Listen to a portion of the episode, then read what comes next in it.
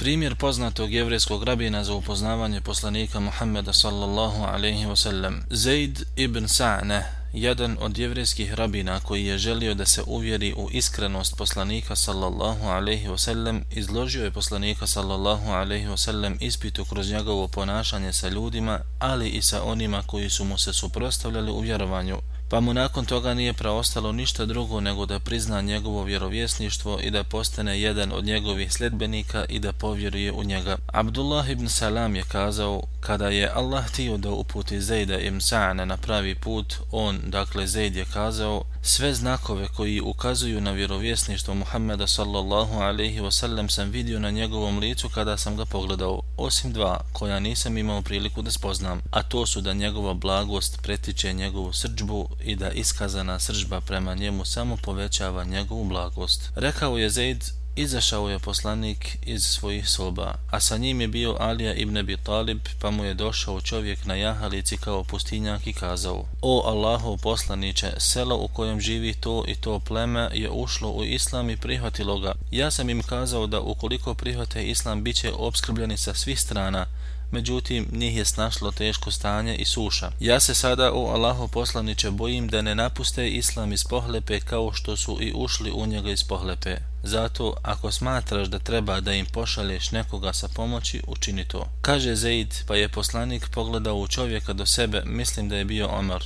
Pa je Omar rekao, od imetka nije ostalo ništa o Allahu poslaniće. Kaže Zaid, pa sam mu se približio i rekao, o Muhammede, da li imaš da mi do određenog roka prodaš poznati hurmi iz palmovika tog i tog plemena? Tada moj poslanik sallallahu alaihi wasallam kazao, nemam o židove, međutim imam da ti prodam do određenog roka neke druge poznate hurme koje nisu iz palmovika tog i tog plemena. Rekao sam, u redu, prodaj mi ih. Nakon toga sam, kaže Zaid, izvedio vrećicu koju se nalazio novac, pa sam mu dao 80 mifkala zlata, to jest oko 340 grama, za hurme koje mi je trebao dati određenog roka. Rekao je, pa je taj novac dao nekom čovjeku i kazao, odi brzo do njih i daj im ovaj imetek kao obskrbu. Rekao je Zaid, kada je bilo dva ili tri dana do isteka roka, izašao je Allahu poslanik sallallahu alaihi wasallam da obavi dženazu namaz jednom čovjeku od Ensarija a sa njim su bili Ebu Bekr,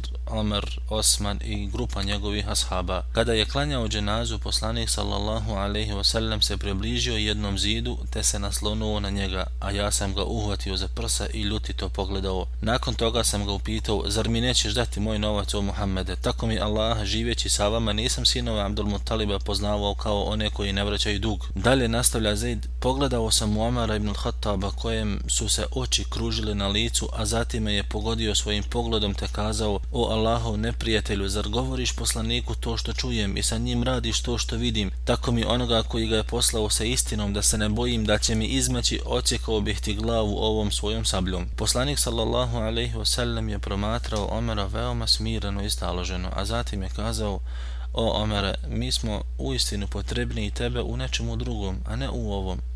A to je da meni narediš da na najljepši način izvršim svoju obavezu a da njemu narediš da na lijep način traži svoje pravo. Idi Omere i daj mu njegovo pravo koje mu pripada i još na to dodaje 20 pregršti hurmi zbog toga što si ga prestrašio i prijetio mu.